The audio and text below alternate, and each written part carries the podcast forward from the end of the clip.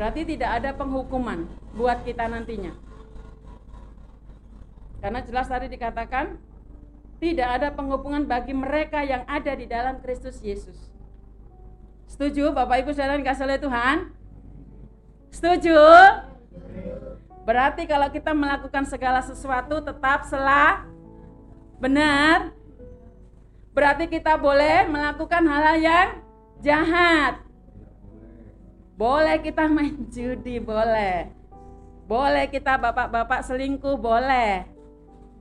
Karena kita tetap selah selamat. Kan dikatakan tadi firman Tuhan demikian. Kita yang hidup di dalam Yesus dikatakan tidak ada penghukuman. Berarti kita merdeka. Bebas melakukan segala sesuatu. Termasuk yang jahat. Benar? Benar?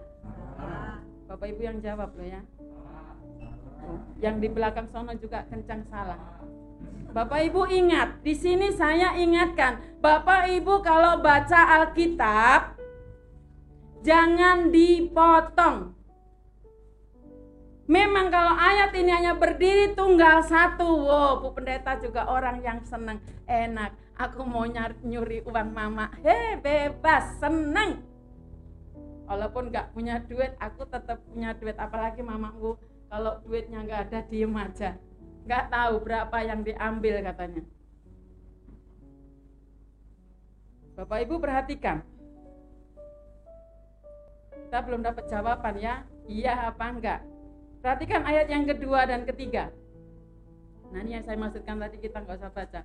Ayat dua dan ketiga dikatakan, Roh yang memberi hidup telah memerdekakan kamu dalam Kristus dari hukum dosa dan hukum mati, hukum maut.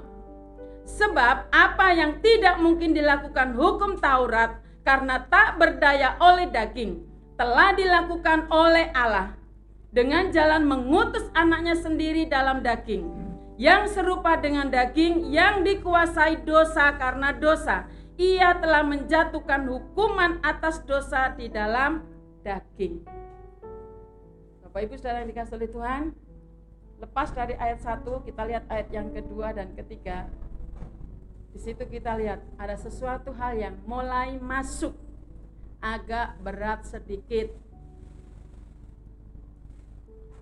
Kita lihat. Kemenangan Kristus yang sesungguhnya itu bukan disalib. Perhatikan, kemenangan Kristus yang sesungguhnya itu bukan disalib. Salib itu hanyalah bukti dari ketaatan Kristus. Tetapi kemenangan Kristus yang sesungguhnya adalah di saat Kristus Yesus itu bergumul di Taman Getsemani. Perhatikan, pada saat Yesus ada di Taman Getsemani, di situ Yesus sungguh-sungguh bergumul. Dia merasakan betapa sakitnya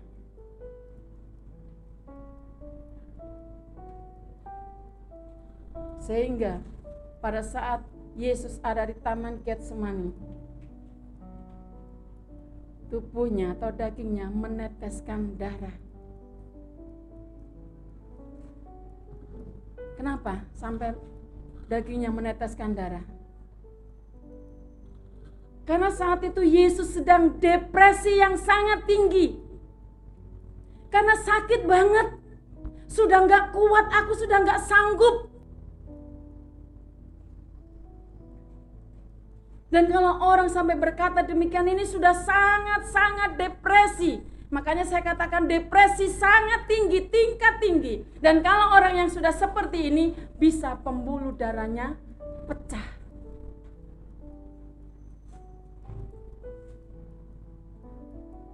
Bapak Ibu saudara dikasih oleh Tuhan, siapa yang depresi? Dagingnya karena kalau kita perhatikan di ayat yang ketiga tadi, di situ sebenarnya Yesus tidak terbukti berdosa. Tetapi dikatakan Yesus menjatuhkan hukuman dosa itu di dalam daging. Jadi saudara, waktu Yesus bergumul di Taman Getsemani, Yesus berdoa sampai tiga kali dengan tangisan yang sama. Yesus katakan apa? Bapak, kalau bisa cawan ini lalu daripadaku. Itu diucapkan Yesus sampai tiga kali. Kita lihat sebenarnya Yesus gak mau. Tuhan aku gak mau mengalami penderitaan ini. Aku sakit.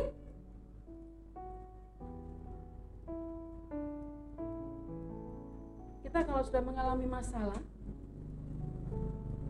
kepala kita mulai pusing, perut kita mules-mules, badan kita nggak enak, makan nggak enak, tidur nggak enak. Ini kita bisa bayangkan Tuhan Yesus yang menanggung akan segala perilaku kehidupan kita. Dia sampai meneteskan darah sampai depresi tinggi. Dan sampai melakukan tangisan dengan ucapan Bapa kalau boleh cawan ini lalu daripadaku. Bapak Ibu, ini yang berteriak adalah dagingnya. Daging Yesus berteriak kenapa? Karena mengalami akan penyiksaan, mengalami akan kesakitan yang berat. Sehingga dagingnya berontak, Bapak kalau boleh ini jawan lalu, lalu daripadaku. Bapak Ibu sudah yang dikasih oleh Tuhan, kalau kita sudah berkata seperti ini dan ingat, saya langsung bertanya Tuhan, Bukankah tidak ada yang mustahil di hadapan Tuhan?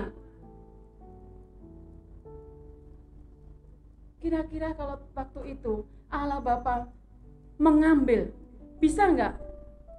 Bisa, karena dikatakan tidak ada yang mustahil di hadapan Tuhan. Tetapi kenapa anaknya yang tunggal sampai teriak dan menangis pada bapaknya? Apakah di sini Yesus nggak tahu?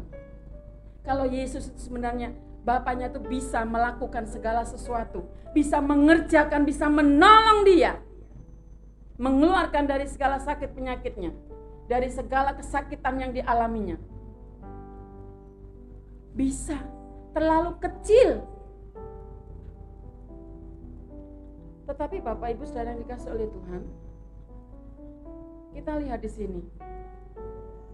Yesus saat di Taman Getsemani itu sebenarnya memberikan contoh, memberikan teladan bagi kita yang percaya kepada Dia, yang mengikut Tuhan. Diberikan contoh bahwa mengikut Tuhan itu tidak lagi mengikuti akan kehendak kita sendiri tetapi kita harus mengikut kehendak Bapa. Dan ini adalah kehidupan kekristenan. Jadi kalau kita sudah berkata aku orang Kristen, aku orang percaya kepada Yesus, aku pengikut Kristus, bukan lagi mengikut kemauan kedagingan kita sendiri, tetapi harus mengikuti kemauan Tuhan, kemauan Bapa di surga. Nah, ini sebenarnya yang dicontohkan oleh Tuhan kepada kita. Dan ini yang sebenarnya kehidupan kekristenan kita. Jadi bukan mau kita sendiri yang kita lakukan, tapi kemauan Allah yang harus kita kerjakan. Nah, kita tahu bahwa kita semua tidak bisa melakukan akan hukum Taurat. Karena apa? Hukum Taurat itu sangat berat. Nah, tapi kita bertanya, kenapa Tuhan membuat hukum Taurat? Tuhan membuat hukum Taurat itu sebenarnya adalah untuk mengatur kehidupan manusia agar kehidupan manusia itu berjalan dengan baik. Tetapi ada sebagian orang yang berkata, bukankah hukum dibuat itu untuk di untuk di Hah? Yang kenceng dong, jangan takut-takut. Untuk dia apa? Untuk dilanggar. Contoh di sekolah. Diberikan peraturan, tata tertib. Ini aturan, tata tertib sekolah. Ada hukumnya. Tapi masih juga dilanggar. Suruh pakai seragam ini alasan, eh pak masih dicuci bajunya. Sepatu suruh hitam semua masih ada juga seret-seret merah. Untuk dilanggar. Karena apa? Kalau tidak ada hukum, tidak ada yang namanya pelang pelanggaran. Contoh, di perempatan suka ada lampu merah. Nah, biasanya orang tetap menerobos. Coba kalau nggak ada hukumnya lampu merah. Ada pelanggaran? Nggak ada. Karena ada rambu-rambu, jadinya timbul pelang pelanggaran. Sudah dibilang ada gambarnya P, kalian nggak boleh parkir di sini, tapi masih juga tren. Nah, karena ada apa? Ada hukum. Jalur sudah ada dua jalur, nggak mau mutar ke sana. Net. Ada apa? Pelang pelanggaran itu karena adanya hukum hukum coba nggak ada hukum nggak ada yang dibilang melanggar mau jalur dua mau nyerok ke sono sini nggak mau muter balik nggak masalah karena tidak ada hukum nah bapak ibu saudara yang dikasih oleh Tuhan sebenarnya hukum itu dibuat untuk mengajari kita hidup tertib hidup disiplin semua di rumah di gereja di masyarakat di mana pun ada yang namanya tata tertib, ada yang namanya hukum. Jadi dalam kehidupan kita kita sudah tahu ada hu, hukum, ada undang-undangnya. Kita sebagai orang Kristen bahwa kita mengikut Yesus, kita harus mengikuti kehendak tuh Tuhan, bukan lagi kemauan, kehendak kita sendiri. Bapak Ibu Saudara yang dikasih oleh Tuhan, tahu nggak? Ada orang yang mengikut Tuhan, tetapi hidupnya tidak pernah bahagia. Ada nggak kira-kira? Ada. Banyak orang yang sudah mengikut Tuhan tapi hidupnya tidak pernah merasa bahagia sekalipun dia kaya raya. Dia punya banyak uang, mobil ada, rumah bagus, tapi hidupnya nggak pernah bahagia. Karena apa? Bukan tolak ukur orang diberkati Tuhan itu karena har hartanya. Makanya dia walaupun sebagai orang Kristen, dia tidak pernah diberkati. Karena dia nggak merasa bahagia, punya segala hal. Makanya saya katakan bukan tolak ukur. Kekayaan itu menjadi sumber kebahagiaan. Nah, orang yang bahagia itu apa? Orang yang merasakan damai sejahtera. Kata Pak Pendeta, walaupun makan sama ikan asin sambal terem wis nikmatnya luar biasa. Ada ada damai sejahtera. Coba orang yang nggak ada damai. Ada lomo-lomo, ada ayam panggang. Ah, makan apa ini? Makanya udah nggak nggak nikmat karena di sini tidak ada da damai. Ingat yang namanya damai. Apakah dia selalu damai? Tanya nanti ya sendiri secara pribadi dalam kehidupannya. Apakah dia selalu damai? jadi Oh, damai sialakan yang damai. Ya, ya ingat Bapak Ibu, segala sesuatu yang kita buat di dunia ini itu tanah mencatat akan kehidupan kita. Percaya apa enggak? Kalau segala sesuatu yang kita lakukan itu tanah mencatat. Kenapa tanah, tanah yang mencatat? Perhatikan di dalam kitab kejadian. Ketika manusia pertama kali jatuh di dalam dosa, yang pertama kali dikutuk Tuhan adalah u ular. Ya, yang pertama kali dikutuk adalah ular. Tuhan berkata kepada ular, karena apa? Karena dia sudah membujuk manusia itu untuk menuruti keinginan keinginannya. Sehingga manusia jatuh di dalam dosa. Makanya Tuhan mengutuk ular itu menjadi binatang yang paling yang paling apa? Yang paling tersiksa. Kenapa yang paling tersiksa? Karena dia harus berjalan dengan perutnya. Coba orang berjalan dengan perut enak nggak? Nggak enak, sakit lah. Makanya dikatakan tersiksa.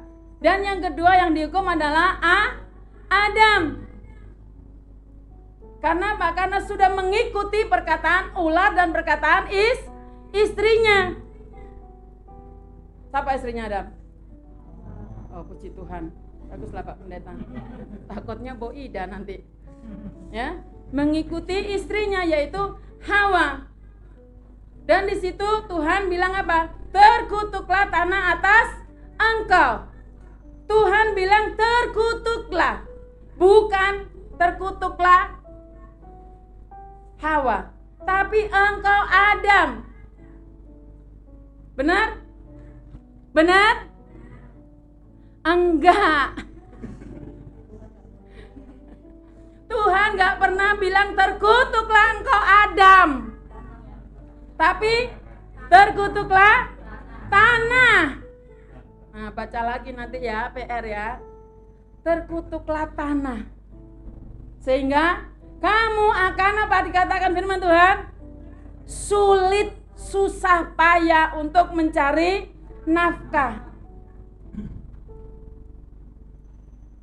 Bapak Ibu sedang dikasih oleh Tuhan. Kenapa tanah yang dikutuk? Kok nggak Adam? Kan Adam yang hidup. Ingat, tanah ini berbicara tentang kehidupan. Kita ingat bahwa kita diciptakan oleh Tuhan dari tanah. Jadi waktu kita mati, kita kembali ke tanah.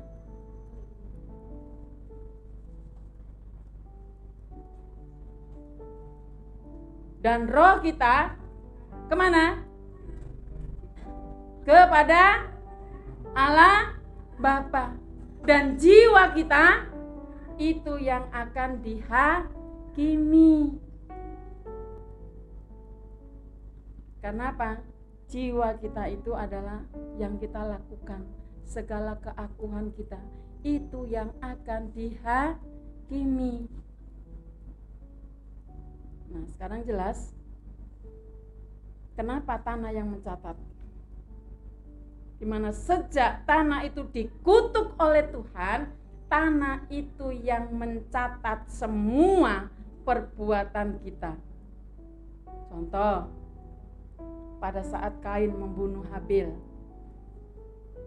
Nah, di situ Tuhan bertanya kepada Kain, "Di mana adikmu Kain?" Kain menjawab, "Emang aku penjaga adikku?" Ya. Lalu darah adikmu itu berteriak kepadaku dari tanah. Di sini kita lihat bahwa meminta sebuah keadilan dari Tuhan. Makanya kalau Tuhan mau berkata kepada seseorang, untuk supaya kita Tuhan berkati rumahku. Rumah ini dibangun di atas apa? Tanah. Berkati sawah ladangku yang punya sawah yang punya ladang. Berkati tokoku tokoku berdiri di atas tanah. Ini ada yang bilang, saya tanya ngomong, eh Tuhan, jangan diberkati orang itu. Karena tanahnya apa? Punya catatan tentang kehi, kehidupan orang tersebut. Tapi nanti juga ada yang berdoa Tuhan berkati rumah tanggaku ini, berkati tempat yang aku tempatin ini. Ada yang bilang Tuhan berkati, soalnya catatan tanahnya bah, bagus. Jadi Bapak Ibu sedang dikasih oleh Tuhan, semua kembali saya katakan yang kita lakukan itu dicatat oleh tanah. Dan biasanya kalau sudah kita mengetahui seperti ini orang juga masih berda berdalih. Banyak alasan.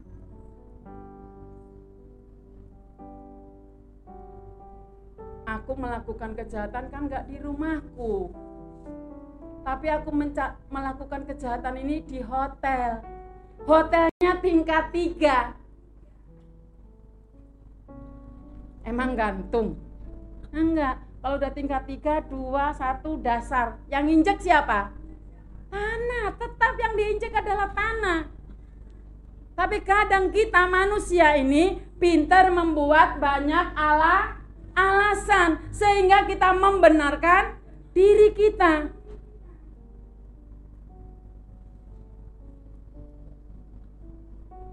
Ingat, tanah itu berbicara tentang kehi kehidupan.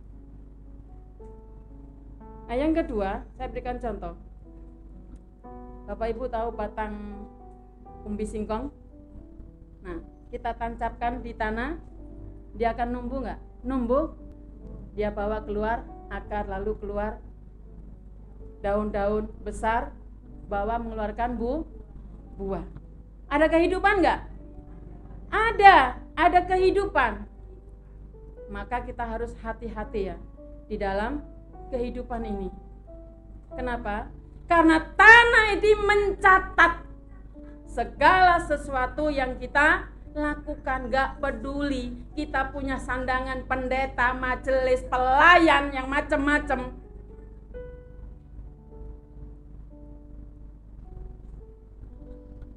jadi tidak lihat apa pun yang kita lakukan tetap tanah itu mencatat apa yang kita lakukan dan kelak nanti kita akan dihakimi. Ingat, semua perbuatan kita itu akan kita pertanggungjawabkan kelak nanti. Apa yang tidak mampu kita lakukan oleh daging, tanah itu memin meminta seperti tadi yang dialami oleh Kain dan Habil.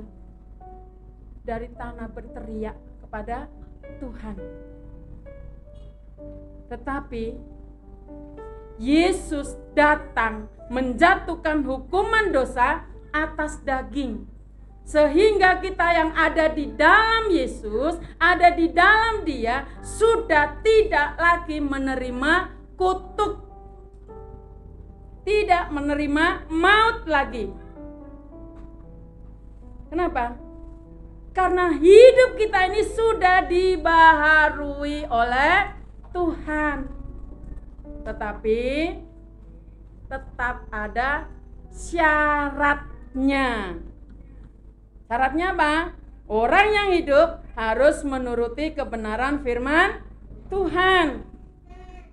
Perhatikan Yesaya 24 ayatnya yang kelima. Yesaya 24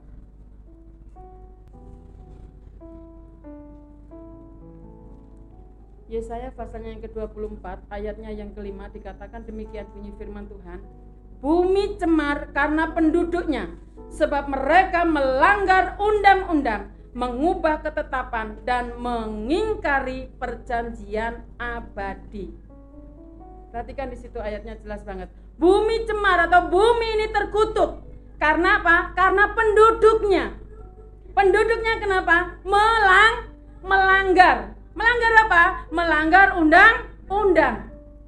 Bahkan sampai berani mengubah kete ketetapan dan mengingkari perjanjian abadi. Jadi Bapak Ibu Saudara dikasih oleh Tuhan, ingat kita ini tinggal di negara Indonesia. Nah, biasanya orang-orang Indonesia ini banyak yang taat apa banyak yang melanggar? Hah? Banyak yang taat apa banyak yang melanggar? Dengan semangat ya, karena minggu lalu khotbahnya semangat. Banyak yang melanggar. Contoh-contoh kecil tadi di lampu merah dari jauh ngeng naik motor kalau sudah lihat lampu kuning apa yang diinjak rem atau gasnya Hah? ngaku yang diinjak bukan rem tapi gasnya langsung wang tahu-tahu di depan prit Bapak Ibu, itu contoh kecil akan kehidupan orang Indonesia. Harusnya kalau sudah lampu kuning, pelan-pelan injak rem loh. Ini mau lampu merah. Kalau nggak ada polisi, ya berarti kita selah selamat gitu ya. Makanya kadang di dalam mobil kalau ada polisi langsung bunyi masker masker tadinya tenang aja nggak pakai masker nggak kelihatan di sana coklat coklat oh masker masker nggak taunya sekarang satpam pun pakai baju poli polisi. Karena apa? Karena itulah kehidupan orang Indonesia takutnya dengan warna cok coklat kiranya uh cepet cepet ada polisi mau nyebrang juga. Sus sus eh coklat. Balik lagi mundur. Nah bapak ibu itulah kehidupan orang Indonesia. Makanya saya kalau di jalan ya itulah orang Indonesia. Susah dia diatur. Udah dikasih peraturan ono ini bahkan dikasih ancaman hukuman denda sekian juta nggak takut. Karena apa? Nanti kalau kena harus denda. Apa yang dilakukan demo. Ya kan? Udah demo rame-rame rusaklah semuanya. Nah Bapak Ibu saudara kasih oleh Tuhan Kita kembali tadi di dalam kitab Yesaya. Dikatakan penduduknya apa? Melanggar sehingga bumi Bumi tercemar, terkutuk. Jadi Dengan kata lain janganlah kita melanggar hukum. Apalagi melanggar hukum Tuhan. Jadi mulai sekarang yang sudah bisa naik motor Setir mobil Termasuk Pak Pendeta Jangan lagi melang melanggar biar diberkati keluarga. Bapak Ibu jujur saya waktu merenungkan firman Tuhan ini malam sendiri. Berapa berapa hari itu saya setiap malam merenungkan karena sambil menunggu sambil menunggu Bapak jemput Iva pagi-pagi biar nggak ketiduran saya tungguin sambil saya bilang Tuhan ampuni. Saya mau ngomong ini suamiku setir. Saya saya selalu Tuhan ampuni. Jangan sampai berkatmu terhindar dari kami. Ya jujur. Itu yang sering kali kita kerjakan. Yuk mulai hari ini ya. Kita berto bertobat. Stop. Jangan pernah melanggar. Apalagi melanggar hukum Tuhan. Jadi saya ngomong gini nggak ngasih contoh bapak ibu. Mungkin bapak ibu tertib nih pak pendeta nih ya yang suka serut nyet. Jadi apalagi kalau saya di sampingnya eh sa sabar gitu ya. Kadang-kadang mau marahin hehe sabar. Apalagi masih pagi baru berdoa baru baca Alkitab sudah hai sabar. Udah nggak apa-apa ngalah. Memang akhirnya ya saya terlambat gitu aja paling kan tapi Bapak Ibu sungguh hari ini kita diingatkan kebenaran firman Tuhan. Tadinya saya di mana? Ya ayatnya saya cari-cari, tapi puji Tuhan ya anak saya ini sangat membantu. Di HP saya itu saya udah di ada konkordansi ada tafsiran jadi cukup di situ. Oh ini ternyata benar apa kata firman Tuhan? Tanah itu mencatat. Jadi kalau kita melanggar tadi seperti yang dikatakan kitab Yesaya bumi ini menjadi tercemar atau terkutuk sehingga kita sulit, susah. Nah, Bapak Ibu yang dikasih oleh Tuhan, tapi kita tetap bersyukur kepada Tuhan karena kita sudah dibatalkan dari hukum Taurat oleh Yesus. Karena kalau hukum Taurat itu tidak dibatalkan, itu akan sulit bagi kita. Karena di situ mata ganti mata, gigi ganti gigi, nyawa ganti nyawa, sanggup? Enggak sanggup kita melakukan. Tapi karena sudah diganti oleh Yesus, kita bersyukur bersyukur. Nah, sekarang kita masuk ke ayatnya yang keempat. Ayat yang keempat. Dikatakan dalam Roma tadi ya, supaya tuntunan hukum Taurat dikenapi di dalam kita yang tidak hidup menurut daging tetapi menurut roh. Bapak Ibu saya bertanya, siapa yang sudah percaya Yesus dan diselamatkan? Hah? Gak ada? ampuni pak nggak ada yang percaya sama Yesus semuanya di sini Bapak Ibu percaya sama siapa Nah, kenapa takut kalau saya tak bertanya siapa di antara Bapak Ibu yang percaya Yesus dan diselamatkan? Acung, kayak anak sekolah minggu gitu loh. Sudah diajarin semangat, tanya siapa yang percaya sama Yesus dan diselamatkan? Diam tambah begini. Ah, saya sama Pak Pendeta bergumul berat ini nanti. Kita di sini orang yang percaya dan diselamatkan. Dan kedua, yang saya tanyakan, Bapak Ibu sudah percaya Yesus, percaya kalau sudah diselamatkan oleh Tuhan. Siapa yang sudah hidup menurut roh dan tidak menurut daging? Diam juga. Bapak Ibu yang bisa jawab ya di situ dikatakan ayat firman Tuhan supaya tuntunan hukum Taurat itu digenapi dalam kita yang tidak hidup menurut daging tetapi menurut roh. Nah, kita ini yang sudah percaya kepada Yesus dan kita mengaku diselamatkan oleh Yesus, kita harus hidup menurut roh, bukan lagi menurut daging. Dan ayat yang kelima dikatakan, sebab mereka yang hidup menurut daging memikirkan hal-hal yang dari daging. Mereka yang hidup menurut roh memikirkan hal-hal yang dari roh. Jelas ya firman Tuhan? Orang-orang yang hidup di dalam roh itu selalu memikirkan roh. Orang-orang yang hidup di dalam daging selalu memikirkan daging. Ya, mama-mama jangan mikirin daging lagi Biarin aja mau daging sekilo, seratus ribu, dua ratus ribu, biarin aja. Gak usah pusing. Kayak Bu Pendeta selama hidup di sini gak pernah beli daging. Karena mah mahal. Ya udah biarin aja. Bisa beli tempe, beli tempe. Beli tahu, beli tahu. Ya, kita hidup di dalam roh. Kita pikirin roh itu. Gak usah pikirin daging lagi. Jadi maksudnya begini, saya berikan contoh. Di dalam kehidupan kita sebagai manusia yang sering kali direbutkan itu apa? Wah, warisan.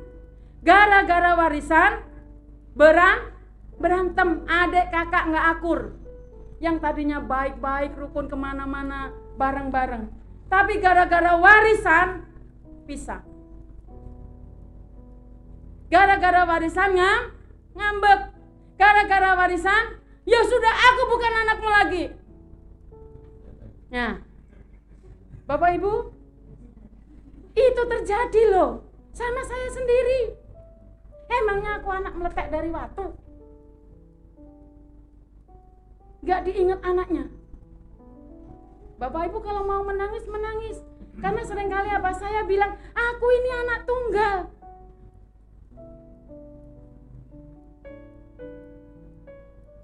Satu-satunya, cucunya cuma dua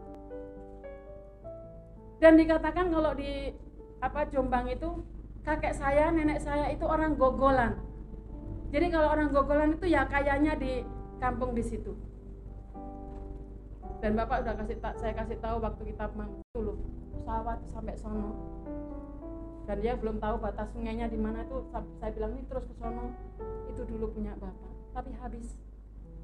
Dan tinggal satu-satunya tanah yang diidam-idamkan oleh anaknya Walaupun sering kali anaknya ini bilang nggak mau pulang, nggak mau pulang. Tapi dalam hati seorang ibu punya anak dua. Ya ini untuk anakku. Dan itu sudah dipikirkan oleh mamanya. Sehingga sampai bangun rumah di tengah-tengah kanan kiri nanti buat cucunya dan lain sebagainya. Tapi kenyataan yang saya alami berbe berbeda. Habis marah-marahlah saya Sampai saya bilang, ini saya bilang nggak pada suami loh, sama Pak Pendeta dan Bu Pendeta, bilang sama bapakku, nggak usah lagi anggap-anggap aku anak, aku bukan anaknya. Bapak Ibu itu sepanjang terus hari saya alami.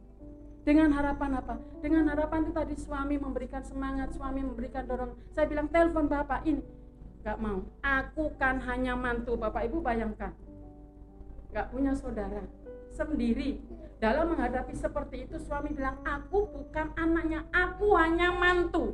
Tapi saya berharap banyak suami ini mau ngomong mau belain aku sebagai istrinya. Tapi enggak dia ngomong begini-begini di sono sudah disangkal. Stop dia ngomong. Gak mau aku ngomong begini udah disangkal. Karena apa? Itu tadi dia mantu. Apalagi dulu mantu gak di gak diterima karena apa? Dulu saya sudah sudah menjadi penginjil dia belum. Kok kamu nikah sama orang awam? Susah dia masuk mau dapat aku yang modelnya begini nih ya? Tapi bapak ibu saudara kasih oleh Tuhan di situ saya nggak mau nggak mau terus larut dalam pertengkaran di situ. Saya berdiam diri. Dan sampai HP itu saya bertanya Tuhan mau saya blokir apa enggak? Mau memblokir nomor bapak aja saya bertanya.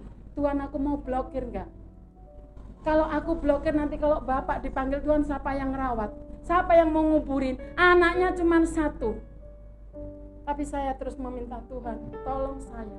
Kuatkan saya mampukan saya. Jangan karena warisan saya nggak akui bapak saya. Akhirnya saya pelan-pelan WA hanya bilang halo pak titik. Nggak pernah ngomong apa-apa saya. Nanti gimana pak? Sehat? Walaupun nggak dapat jawaban dari sana tapi saya mulai. Karena apa? Kalau saya sudah mulai ngomong panjang lebar nanti akhirnya berujungnya ke sana lagi jadi saya lebih baik diam. Hanya halo gimana? Sehat nggak? Udah cukup. Walaupun nggak dijawab nggak dibalas nggak masalah buat saya tapi saya belajar seperti firman Tuhan yang dikatakan Bu kemarin di Safira. Mengampuni. Bapak Ibu ternyata dengan ngomong mengampuni itu gampang. Tetapi saat dihadapkan yang seperti itu oh luar biasa. Apalagi ini orang tua sendiri. Sulit.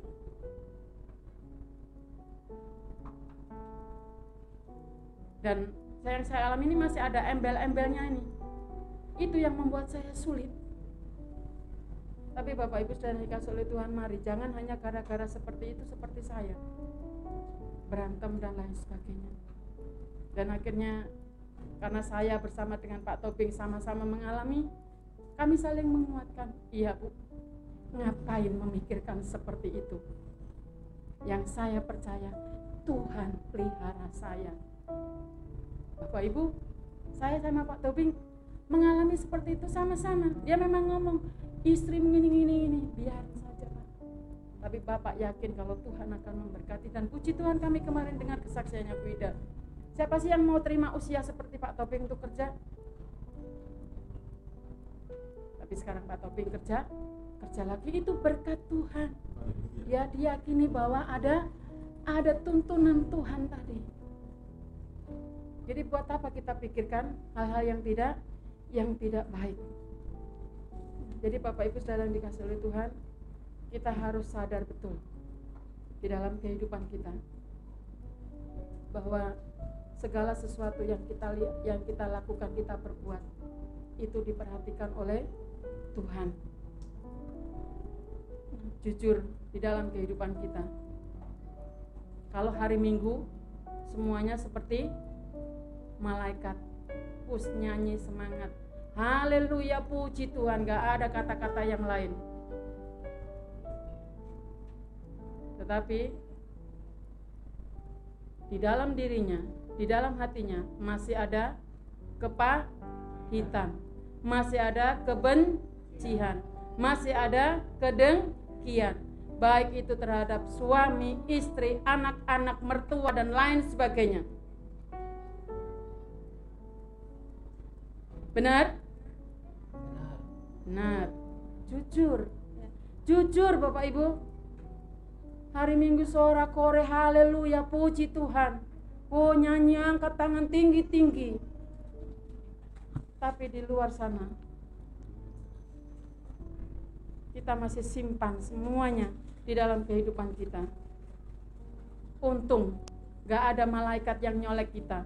Allah itu pencitraan untuk aku ini untuk Tuhan. Kamu cuma bohong aja nyanyi-nyanyi sorak-sorak haleluya tapi kebencian, kedengkian masih kau simpan.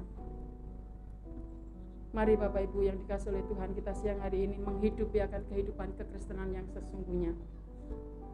Yaitu kekristenan yang menyangkal akan keda, kedagingan kita. Yang kedua adalah mengikuti teladan Ye, Yesus. Bukan kehendakmu, tapi kehendak ba, Bapa yang jadi atas kehidupanku. Bapak Ibu Saudara yang dikasih oleh Tuhan, orang yang hidup dipimpin daging itu yang pikirannya selalu memikirkan daging terus. Dan kita tidak akan terima kalau kita diomongin oh orang. Coba biasanya ini perempuan-perempuan yang sering kali mengalami seperti itu. Ada orang kumpul-kumpul nggak ngomongin apa-apa, kita lewat. Karena waktu kita lewat dia berhenti. Sampai di sana kita pasti itu ngomongin aku tuh. Ya kita kan suka begitu. Padahal tadi yang ngobrol itu nggak ngomongin nggak ngomongin kita. Nanti kita di sono ketemu sama temen kita ngomong tuh tadi si dia sama si dia ngomongin aku tahu. Kok tahu kamu? Iya pas aku lewat mereka terus berhenti. Berarti kan ngomongin aku padahal enggak ya Bapak Ibu itu yang sering kali orang-orang yang masih hidup di dalam di dalam daging masih mengizinkan hal-hal itu terjadi di dalam kehidupan kita. Tetapi kalau orang hidup di dalam roh, udah nggak apa-apa. Dia mau ngomongin aku A sampai Z, kita hadapi dengan se senyum. Kata Pak Pendeta, terima kasih kalau aku masih diom, diomongin. Berarti orang itu memperhatikan memperhatikan kita. Jadi jangan marah kalau kita lagi diomongin. Orang itu sebenarnya sedang memperhatikan memperhatikan kita. Selain itu orang yang hidup dipimpin oleh roh adalah orang yang suka da damai. Makanya kalau diomongin apa-apa senyum saja. Karena orang yang dipimpin hidup oleh roh itu adalah suka suka damai. Suka berdamai baik di rumah, di gereja, di lingkungan, di mana pun kita tinggal. Karena apa? Pak Pendeta sering kali bilang gesekan itu in indah. Kalau saya bilang masalah itu baik indah. Jadi orang tuh perlu gesekan. Kalau nggak ada gesekan itu tidak nor tidak normal. Jadi di dalam gereja ini pun kalau ada gesekan jangan marah. Jangan terus ngomongin, nah Bu Pendeta memang orangnya kayak begitu. Judes galak dan lain sebagainya. Sebetulnya itu gesekan. Karena apa? Untuk membangun kita, untuk mendandani kita. Nah, sebenarnya Tuhan itu baik loh di dalam kehidupan kita. Karena apa? Tuhan ciptakan akan kehidupan manusia itu dengan pribadi yang bermacam-macam ada yang kalem-kalem. Ya, ada yang setengah kalem. Ada yang ke keras. Kalau dalam bahasa kepribadian itu ada ada sanguin ada melankolis ada plekmatis ada kole kolerik. Nah bapak ibu kita sudah kenal dengan kepribadian itu macam-macam. Kita di sini juga bermacam-macam kepribadian gimana mau bisa kita rukun bisa damai? Kita harus saling mema memahami. Kita harus saling menger mengerti sehingga terjadi sebuah keda kedamaian. Bapak Ibu sudah dikasih oleh Tuhan, saya dengan Pak Pendeta ini pas. Pak Pendeta ini kalau sudah ada masalah, dia dia bilangnya apa? Tenang. Ya kan? Kalau ada masalah apa aja, bilangnya apa? Tenang. Dia bisa makan banyak, duduk, terus tapi Bu Pendeta kalau ada masalah, nah, kalau belum kelar nggak berhenti dia mah kadang saya ini ada kayak begini masih duduk tenang malah ngorok gitu ya tapi Bu Pendeta nggak begitu. Harus selesai. Jangan ditunda-tunda. Nah saya yang menghadapi begini ini yaitu tadi. Tapi akhirnya nurutin dia ya akhirnya begini nih jadi badannya. Gemuk tapi sudah gemuk didiemin. Nggak dibeliin baju. Padahal sudah sering ya sesek ya sesek tapi nggak pernah dibeliin baju ya. Ini karena karena nurutin caranya dia. Tenang kalau ada masalah tenang ya coba gimana nggak tenang? Dari sekolah ditelepon ya. Itu tolong ya di mesin cuci ada baju. Tolong jemur. Kadang sudah saya angkat taruh di timba. Ya sudah ada di timba ya tinggal jemur. Iya katanya gitu kan. Yakin dan percaya pulang-pulang di rumah sudah dijemur. Sampai di rumah. Hah? Tuh jadi harusnya saya salah nyuruhnya. Harusnya gini ya itu di belakang pintu sudah ada jemuran tuh ditimba tinggal jemur ya jangan ya angkat. Jalan ya sambil tuh di situ tuh. Ya nanti kalau ini angkat ya ke mana? Jemur. Nah saya harus perhatikan. Kalau gitu pasti beres. Tapi enggak saya kan ya udahlah. Akhirnya saya bilang sama saya percuma saya suruh-suruh dari jauh-jauh. Sekarang bilang gak usah nyuruh-nyuruh dah capek. Ya, capek nyuruh-nyuruh. Mungkin nggak saya aja ya ibu-ibu di rumah juga kayak gitu kali. Ngalamin ini suaminya ada dikasih perintah. Ah ya udahlah. Nah ini saya bilang oh Tuhan inilah yang di yang diketemukan tadi. Pas yang satu tenang-tenang yang satu hos, hos, hos, hos, hos. aduh ya. Ini Tuhan itu Tuhan itu baik ternyata. Kita diberikan pasangan itu yang pas. Makanya saya bilang sama Magda udahlah dah terima. Memang suamimu ya begitu mau diapain. Ya ya kalau yang lain nggak ngerti. Mungkin sama seperti saya seperti Magda. Udahlah belajar meneri menerima apa adanya. Itu yang sudah menjadi pilihan pilihan kita. Emang pilihan mama bapak kita? Enggak kan pilihan kita saya dulu aja dilarang-larang masih saya kejar Nah kan berarti pilihan saya. Ya sekarang begitu ya udahlah. gitu ya. ya, Bapak Ibu sudah dikasih oleh Tuhan. Jadi apa? Sebenarnya kepribadian ini menuntun kepada setiap kita untuk kita tahu, memahami satu dengan yang lain. Jadi jangan disamakan. Kalau saya mau disamakan dengan Magda, nggak akan pernah sama. Karena kita sudah punya karakter masing-masing. Tapi bagaimana supaya saya dengan Magda itu bisa berjalan bersama-sama? Itu tadi ada kehidupan yang saling. Lanjut ke ayatnya yang ke-6 karena keinginan daging adalah maut tetapi keinginan roh adalah hidup dan damai sejahtera. Nah bagaimana dengan kehidupan rumah tangga kita selalu damai atau selalu ribut?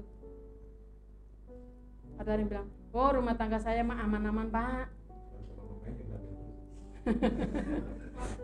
Tenang-tenang pak aman damai sejahtera gitu. Sekarang damai ada suaminya soalnya. Suaminya datang. Ya udah udah tenang katanya duitnya datang. Nah atau ada yang bilang aduh pak rumah tanggaku ribut terus.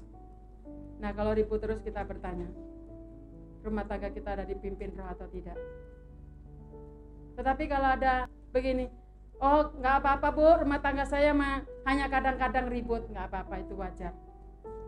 Itu masih hidup di dalam di dalam roh. Yang ketujuh, Sebab keinginan daging adalah perseteruan terhadap Allah karena ia tidak takluk kepada hukum Allah. Hal ini memang tidak mungkin baginya. Nah, yang namanya daging itu tidak mungkin mau menuruti firman Tuhan. Dan firman Tuhan berkata seperti pujian kata tadi yang pertama, kudus kuduslah Tuhan sebab engkau ku kudus. Tetapi kita ditarik sama keinginan daging untuk kita melakukan hal-hal yang tidak baik. Maka sering kali kita berkata, daging itu le, lemah. Sehingga kita kah, kalah. Nah sekarang kita sudah tahu. Kita perangi. Kita kalahkan akan kedagingan itu.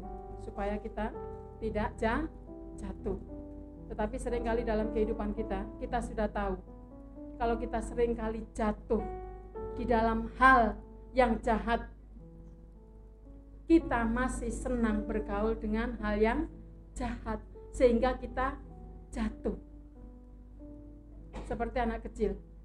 Dia sudah tahu di depan rumahnya ada got. Dia sudah pernah jatuh di dalam got, tapi dia masih saja senang main di situ. Ya akhirnya jatuh, jatuh lagi di dalam got. Yang disalahin siapa? Gotnya. Bener nggak? Akhirnya apa? Gotnya ditutup Nah sebenarnya yang salah siapa? Kita sendiri kita sudah tahu punya kelemahan di situ, tapi kita masih terus bermain di si di situ. Bapak Ibu saya ingat waktu saya masih pelayanan di Malang, saya punya seorang majelis. Nah kalau sudah selesai perjamuan kudus, biasa kayak seperti di sini, Bu boleh nggak itu anggurnya aku habisin gitu?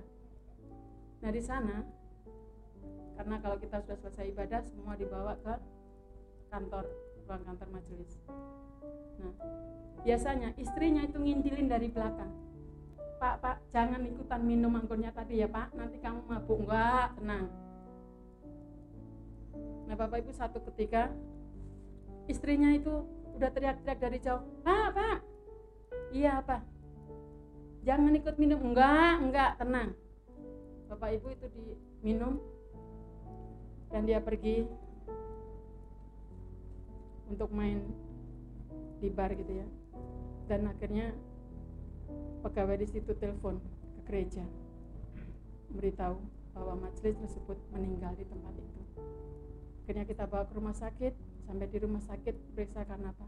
Karena dia mabuk karena minum anggur tadi. Akhirnya istrinya hanya bisa berkata apa tadi pak? Sudah aku bilang. Jangan ikutan minum jangan ikutan minum. Karena kalau sudah kamu minum pasti begitu Nah, itu salah satu contoh. Kita sudah tahu kelemahan kita, kekurangan kita, kita nggak bisa bergaul di situ. Karena kalau kita di situ pasti kita jatuh, tapi namanya manusia senang. Ah nggak apa-apa sedikit. Tapi kalau diteruskan ya akhirnya seperti itu tadi akibatnya jatuh. Dan akhirnya istrinya ya ampun Tuhan. Apalagi dengan embel-embel seorang majelis gitu ya mati di tempatnya yang tempatnya aja udah nggak nggak nggak enak didengar telinga gitu. Jadi waktu itu saya bersama dengan teman saya saya bilang siapa yang mau ngambil? Saya bilang nggak mau ah. Apalagi aku nggak pernah masuk masuk tempat seperti itu. Teman saya emang aku masuk gitu. Terus gimana dong? Kita bawa anaknya aja. Kita ambil dia bersama-sama dengan anaknya. Karena istrinya udah nggak mungkin kita bawa di rumah udah nangis nangis Bapak Ibu saudara dikasih oleh Tuhan sini kita lihat nggak pandang bulu ya. Ingat jangan pernah bermain-main dengan kejahatan. Kita sudah tahu semua kelemahan kekurangan kita masing-masing.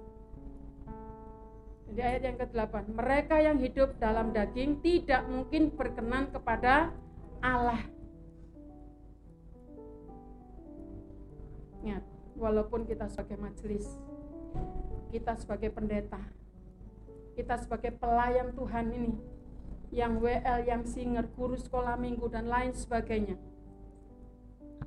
tidak peduli jika kamu hidup menuruti daging.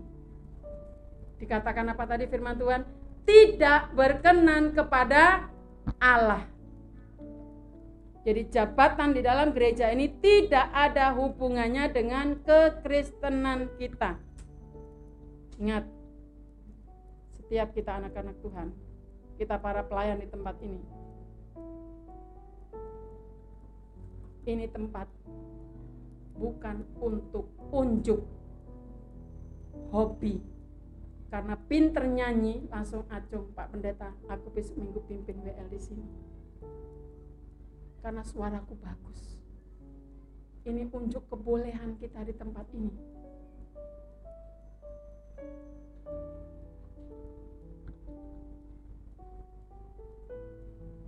Bapak Ibu, kalau kita mau unjuk kebolehan di dalam kita melayani di tempat ini, lebih baik bilang sama Pak Pendeta, Pak stop, aku nggak mau melayani lagi. Karena berat, kita melayani di tempat ini. Kalau mau unjuk kebolehan, mending nyanyi di kafe, enak pulang dapat duit. Kalau di tempat ini, kalian pulang nggak dapat duit, tapi justru harus ngasih duit. Karena sebelum masuk ke sini di depan sudah harus kasih persembahan.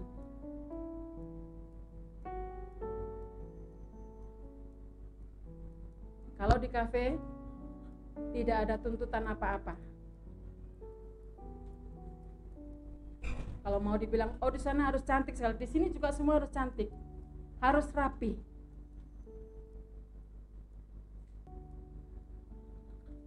Bapak Ibu saudara kasih oleh Tuhan, ingat, kita berdiri di tempat ini,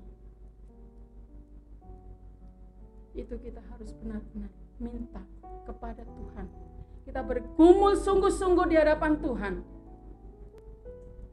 Jadi ketika kita berdiri di mimbar ini, kita ini dijadikan imam. Kita ini adalah imamnya Tuhan. Maka wajib di dalam kehidupan kita untuk hidup dipimpin oleh roh. Dan kita hidup harus selalu menyangkal akan kehidupan kedagingan kita. Jadi nggak usah lagi ikut-ikutan dengan kemauan daging. Gak usah lagi mau diajak-ajak untuk hidup menurut keinginan daging. Tapi kita harus hidup oleh roh. Hidup menurut pimpinan roh. Kita harus berjalan di dalam hukum tu Tuhan. Jadi nggak bisa main-main lagi. kita harus belajar selalu hidup mendekat kepada Tuhan. Memberi waktu banyak bagi Tuhan. Sering bergaul dengan Tuhan. Bergaul karib dengan Tuhan. Jangan kita nyanyi-nyanyi hanya hari Minggu di sini, berdoa hanya hari Minggu di sini. Kosong. Lalu apa yang mau kita sampaikan kepada jemaat? Gak ada apa-apanya. Ya itu tadi, kita mengajak nyanyi hanya nyanyi-nyanyi aja. Seperti yang saya katakan tadi, hanya menyalurkan bakat, menyalurkan hobi saja. Sehingga pulang jemaat, belum, apa tadi? Nggak tahu, nyanyinya apa? Nyanyi apa tadi ya? Tapi kalau kita sungguh-sungguh berkumul di hadapan Tuhan, ingat kita dijadikan oleh imam. Jadi bukan hanya saya dan Pak Pendeta yang menyampaikan firman Tuhan ini, itu yang melayani, yang diurapi, tapi semua pelayan, WL Singet dan semuanya, minta kita diurapi oleh Tuhan. Supaya apa? Supaya apa yang kita kerjakan ini berkenan di hadapan Tuhan. Dan kehidupan kita juga berkenan di hadapan Tuhan. Makanya sering kali saya bilang kepada guru-guru sekolah minggu, jangan anggap itu anak kecil. Jasril tuh belum ngerti apa-apa. Apalagi Ebi jalan mundar mandir ke sono nggak mungkin dengar nggak tahu nyanyi. Eh ingat walaupun mereka lompat tapi telinga mereka ini dipasang. Jadi nggak bisa kalau guru sekolah minggu besok cerita malam ini langsung baca. Hmm, dah tutup tidur. Makanya kenapa Pak Pendeta tuh selalu bilang hari Minggu siapa yang minggu lagi akan cerita cepat bukunya dikasihkan, supaya itu bisa dipelajari. Bukan untuk dihafal. Baca ulang-ulang dan terus renungkan-renungkan. Nanti akan ketemu nilo yang harus disampaikan. Ternyata anak-anak ini butuh makanan sekarang nasi goreng yang istimewa. Tapi kalau kita hanya sekedar anak-anak kita yang nggak salah, kalau sampai di ujian, Tuhan Yesus lahir di mana? Di bidan. Oh Tuhanku Yesus, Bapak Ibu, ini tanggung jawab kita semuanya. Mari kita bersama-sama berjalan menurut hidup di dalam roh. Kita gumulkan. Lagu juga sama seperti itu. Jujur Bapak Ibu saya dari kemarin itu pingin ngomong ke Magda. Kalau saya minggu akan khotbah ini loh dah. Supaya lagumu tuh begini dah. Enggak. Saya bilang Tuhan satukan kamu hari Rabu kebetulan Magda duduk situ saya, saya sudah mendekat begini saya mau ngomong. Tapi saya hanya bilang kak tumben Tante Magda kok belum kirim lagu? Takutnya lupa karena nggak biasanya dia begitu. Dan Bapak Ibu kalau kita benar-benar ada hubungan masuk. Saya waktu masuk dia nyanyi kurus saya bilang Tuhan ini yang kami sebut. Kami mau belajar bersama-sama untuk berkenan di hadapan Tuhan. Gak ada janjian.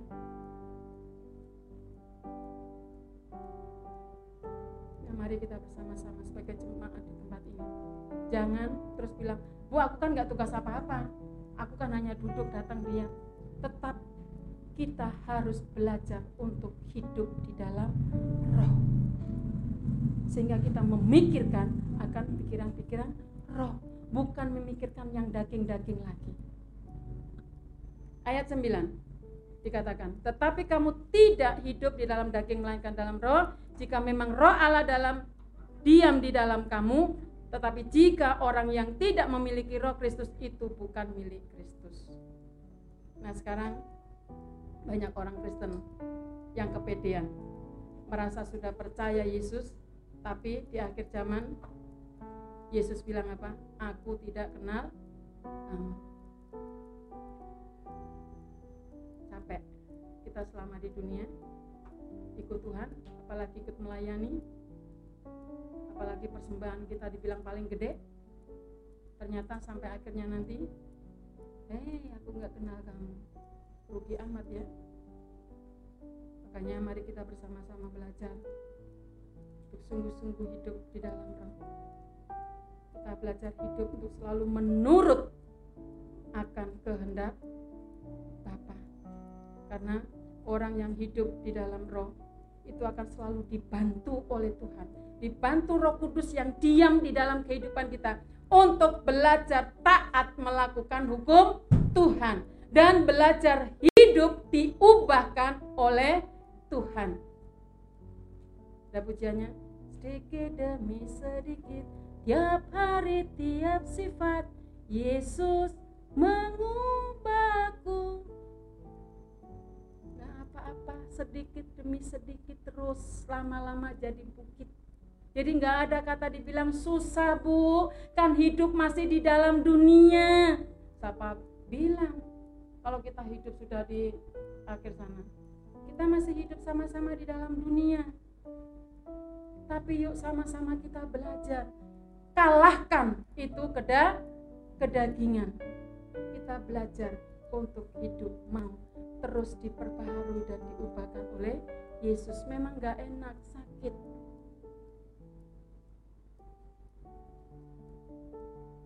Kita lihat di dalam kehidupan kita tadi. Untuk yang pertama itu hidup mengubahkan akan kehidupan kita karena kita hidup dipimpin oleh roh. Yang sepuluh, tetapi jika Kristus ada di dalam kamu, maka tubuh memang mati karena dosa, tetapi roh adalah kehidupan oleh karena kebenaran. Sebelas, dan jika roh dia yang telah membangkitkan Yesus dari antara orang mati, diam di dalam kamu, maka ia yang telah membangkitkan Kristus Yesus dari antara orang mati akan menghidupkan juga tubuhmu yang fana itu oleh rohnya yang diam di dalam kamu. Nah ini ayat yang sungguh luar biasa ayat 10 11 ya. Bapak Ibu, kita tidak bisa berkata kalau kita ini tidak bisa lepas dari yang namanya keja kejahatan. Bisa kita lepas dari kehidupan, kebiasaan-kebiasaan yang tidak baik. Karena apa? Karena ada Roh Kudus Tuhan yang diam di dalam kehidupan kita. Seperti yang dikatakan di dalam ayat yang sudah kita baca bersama-sama ayat 10 dan 11. Dia sanggup melepaskan akan kehidupan kita dari segala dosa, dari segala kejahatan. Tidak ada yang tidak bisa dilakukan oleh Tuhan. Asal kita benar-benar menyerahkan diri kita kepada Tuhan. Dan ayat 14 15, langsung ayat 14 15. Semua orang yang dipimpin roh Allah adalah anak Allah sebab kamu tidak menerima roh perbudakan yang membuat kamu menjadi takut lagi, tetapi kamu telah menerima roh yang menjadikan kamu anak Allah. Oleh roh itu kita berseru, "Ya Aba, ya Bapa."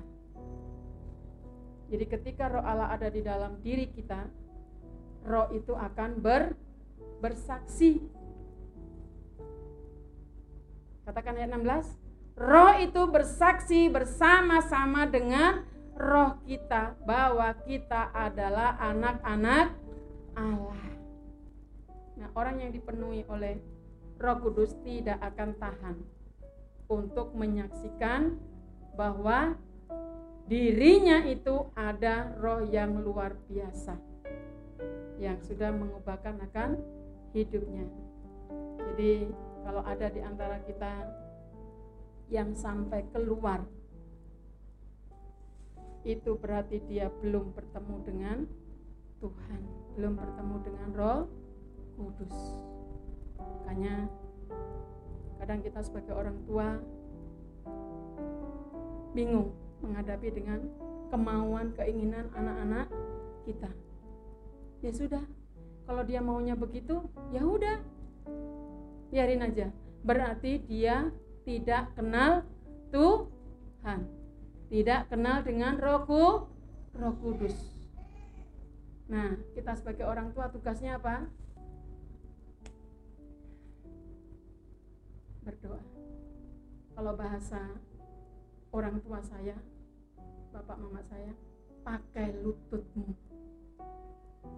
untuk sujud di hadapan Tuhan.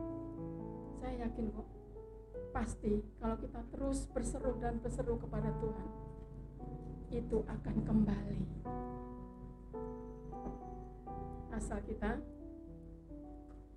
benar-benar dan sungguh-sungguh percaya kepada Tuhan nggak akan hilang. Bapak Ibu kami di saudara dari pihak Bapak kami mengalami hal yang seperti itu tapi mertua saya khususnya mertua perempuan. Itu kalau sudah jam 12 malam itu bangun. Ini mertua saya ini nggak hidup sehat kayak bapak ibu jalan ke mana-mana kan pakai tongkat. Karena apa? Sebelah sudah stroke. Gereja oke. Okay. saya kalah dulu sebagai mantunya kalau hidup di sana. Eh saya ngorok mertuanya bangun berdoa. Semua anak mantu cucu disebut dan puji Tuhan satu satu satu kembali. Dan saya sebagai menantu karena saya sadar ini menantunya yang jadi pendeta. Saya berdoakan. Saya sebut namanya. Adik namanya ini namanya ini namanya ini. Terus puji Tuhan satu satu balik. Dan kemarin waktu kami pulang saya juga nggak tahu. Tahu tahu Iva bilang mak om mau ikut ibadah Natal. Saya bilang diajak masuk. Tapi karena anaknya rewel dia duduk di luar. Pulang saya tanya tadi kamu dengar firman Tuhan nggak? Dengar saya bilang Tuhan jamah hatinya. Dan saya bilang gimana dengan istrimu? Ya nggak tahu nanti. Tapi saya berkata kamu harus punya keberanian untuk datang Gak usah lihat stempel gereja itu apa. Yang penting kamu datang sama Yesus. Ini masih kami kumulkan terus. Kenapa? Kami rindu. nggak mau kami hanya hidup di dunia sama-sama tapi nanti di sana eh adikku di sana kenapa saya punya beban gini bukan adiknya dia aja saya sudah masuk dalam keluarganya bapak itu adik saya juga nah yuk bapak ibu kita nggak usah apa ya memikirkan hal-hal yang berat yang jauh ke sana. Ingat itu tadi biarkan saja. Berarti kalau masih seperti itu dia belum tahu Tuhan dia belum kenal Tuhan dia belum kenal Roh Kudus. Tapi kita sebagai orang tua sebagai saudara seiman terus sebut. Itu tadi bahasa orang tua saya pakai lututmu untuk sujud di hadapan Tuhan nah kita di sini sama-sama saya punya pergumulan Bapak Ibu punya pergumulan bahwa di dalam Tuhan. Karena ingat ada Roh Kudus Tuhan yang selalu bekerja dan memimpin akan kehidupan kehidupan kita. Dan seperti tadi ayat 16 kalau kita sudah hidup di dalam roh itu nggak akan tahan untuk kita menceritakan untuk kita bersak bersaksi. Jangan diam saja katakan nyatakan. Saya di sekolah kalau menyampaikan firman Tuhan saya nggak mau tutup tutupin gurunya ada dua yang berbeda. Murid lengkap. Ada yang Hindu ada yang Buddha ada yang Islam. Tapi saya terus berkata bahwa di dalam Yesus hanya ada keselamatan di luar nggak ada. Ada teman saya Bulina berani berani supaya apa? Supaya mereka selamat. Dan puji Tuhan anak-anak yang sekolah di situ keluar bu saya ke gereja sana saya terus nggak apa-apa. Kata mama nggak apa-apa. Bapak nggak apa-apa. Sampai besar sampai mereka menikah sampai hari ini. Memang kami semua punya tugas untuk menyelamatkan akan jiwa-jiwa mereka. Nah itu sama dengan kehidupan kita. Hidup dipimpin oleh roh pasti kita akan berani ber bersaksi mau diupakan dan kita terus memikirkan akan kebenaran-kebenaran firman Tuhan. Mari kita bersama-sama tunduk kepala. Kita Saya minta dengan hormat Ibu Ginting untuk diminta